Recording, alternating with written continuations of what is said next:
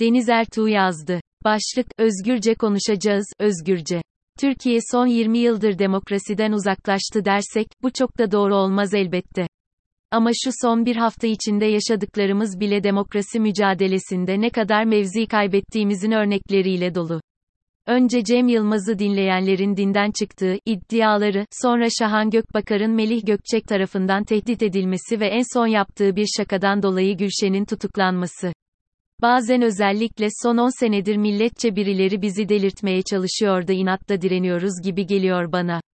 Cem Yılmaz'ı dinledin tövbe istiğfar et burada ismini zikretmek istemediğim ve bence kendini yeni Cübbeli Ahmet olarak popülerleştirmek adına hemen her gün bir öncekinden daha kringe açıklamalarla sosyal medyada trend olma hevesindeki din adamının sözlerini hemen hepiniz duymuşsunuzdur. Okumayanlar için şöyle özetleyeyim. Bu zat, Cem Yılmaz'ın kadınlar ve erkeklerle ilgili bir esprisini konu edip, bu espriyi yapan da dinleyen de dinden çıkmıştır, buyuruyor. İslam'da dinden çıkma var mı, bunun kriteri nedir gibi soruları sormayacağım çünkü bunların amacı zaten İslam'ı öğretmek de sevdirmek de değil o yüzden buralara hiç girmeyeceğim, bunlarla İslam'ı tartışmak inanan birisi için vakit kaybıdır. Peygamberimiz H.Z. Muhammed'in kolaylaştırınız, zorlaştırmayınız, müjdeleyiniz, nefret ettirmeyiniz, hadisini hiç duymamışlar herhalde bunlar. Güzeli, iyiyi müjdeleyip sevdireceğine, insanları dinden soğutuyorlar.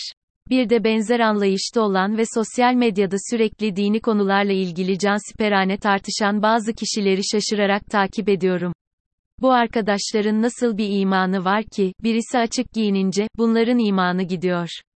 Birisi Ramazan'da içki içince, bunların imanları gidiyor. Birileri dinimizi eleştirince, bunların imanı elden gidiyor. Birileri İslam'ı beğenmeyince, hemen şüpheye düşüyorlar. İnandıysanız, inandığınızın sizi ikna etmesi beklenir. Eğer mecburiyetten Müslümansanız, olmayın kardeşim. Kimse sizden bunu beklemiyor. Siz sadece kendi hesabınızı Allah'a vereceksiniz. Yoksa sizi münker nekir yerine mi tayin ettiler haberimiz yok. Allah'ın peygamberi vefat etmeden evvel, ben seni hakkıyla tanıyamadım ya Rabbi, diye ağlıyor. Bu arkadaşlar kendi hesaplarını mükemmelen vermişler gibi, herkese, sen dinden çıktın, bu imansızdır, gibi fetvaları bol keseden dağıtıyorlar. İnsan önce bir kendisini hesaba çeker, kendi ahireti için kaygılanır. Size diyecek bir şey bulamıyorum. Eski bir reklam sloganı vardı, o yeterli, o ne özgüven o. Ağzını gözünü d a yumuşak g i t i r l a r b a h h h h haddini bil hemşerim. Melih Gökçe'yi bilmem anlatmaya gerek var mı? Hakkındaki onca iddiaya rağmen bu nasıl bir rahatlıksa, hiç o konuları gündeme getirmeyip, oyuncuya, şarkıcıya parmak sallıyor, racon kesiyor. Gerçekten bu yaşam motivasyonunun nereden geldiğini çok merak ediyorum. Şahan Gökbakar ne demiş, neden böyle bir tartışma olmuş, inanın hiçbir önemi yok. Çünkü fikri tartışmanın çoktan fersah fersah uzağındayız. Bunun neyini tartışacaksın? Gökbakar ne demiş olursa olsun, Gökçek o kadar rahat ki, kafasına uymayan bir laf mı ettin, açıkça dayağı yersin diyor. Gülşen neden hedef? Gelelim Gülşen'e. Zaten bildiğiniz üzere, bir süredir siyasal İslamcılar gerek kıyafetleri sebebiyle, gerekse LGBT'ye verdiği destek sebebiyle Gülşen'i hedefe oturtmuşlardı. Son yaptığı espri de olaya tuz biber ekti ve ona deyim yerindeyse, haddini bildirecek bir fırsat buldular. Gülşen'in sözleri neydi? İmam Hatiplilerle ilgili bir şaka yapmış. Şahsen ben hiçbir gruba bu şekilde toptan eleştiri getirilmesini hoş bulmuyorum ama bir insanın başkasına yaptığı espriden bize ne? Bir insan arkadaşına kaba bir şaka yapınca biz niye mağdur oluyoruz buradan? Ayrıca sosyal medyada yaptıkları çığırtkanlıkla sonunda Gülşen'i tutuklatmayı başaranlara soruyorum, İmam Hatipliler ne zaman bizim ortak değerimiz oldu? Bu okullarda okumuş olanlar da Robert Kolejliler, Alman liseliler gibi bir grup. Bu yani. Bunlar özel bir zümre oluşturuyor da haberimiz mi yok? Kaldı ki koskoca camiadan bahsediyoruz, içlerinden iyisi de çıkar, kötüsü de. Bunun gibi basit bir olayı neden tartışıyoruz, inanın anlayamıyorum. Gülşen'in şakası birilerine ağır gelmişse, bırakın o insanlar tepkilerini toplum içinde tartışarak çözsünler. Hukuken tutuklanmasını gerektiren hiçbir dayanak yok. Velev ki, ortak değerimiz olan konular olsun. Nokta. Bunları eleştirmek veya bunlarla ilgili alay etmek neden suç olsun? Düşünce özgürlüğü ile ilgili evrensel hukuk kriterleri belli. Herkes bizim gibi düşünmek ve yaşamak mecburiyetinde değil. Bizim üzerimizde baskı kurmuyorsa bize ne? Özellikle son 10 senedir insanlara her konunun ABC'sini anlatmaktan imanımız gevredi. Kardeşim siz hiçbir alanda temel düzeyde bilgi sahibi bile değilken ne demeye ülkeyi yönlendirmeye çalışıyorsunuz? Hemen her gün çarpım tablosunu bilmeyenlere integral anlatıyormuşçasına bir duygu ile yaşıyorum. Ne yapalım sizin bu temel bilgileri edinmeniz için yüzlerce yıl bekleyelim mi?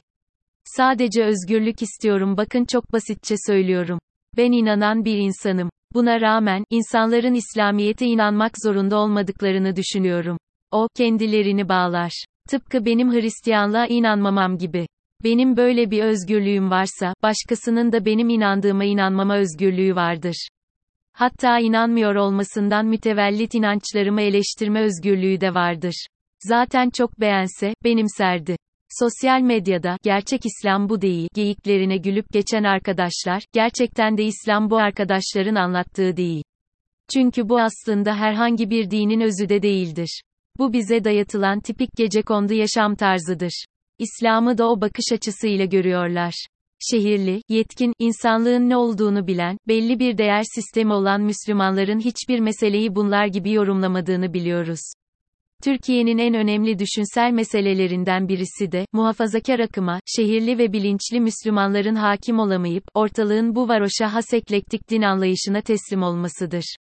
İslam'ı bu kendilerine faydası olmayan, dini bilmeyen, en önemlisi insanlığı bilmeyen güruhtan öğrenen kuşaklardan ne çıkar? Hiçbir şey. İşte bu Necip Fazıl'ın söylediği kaba softa, ham yobaz çıkar.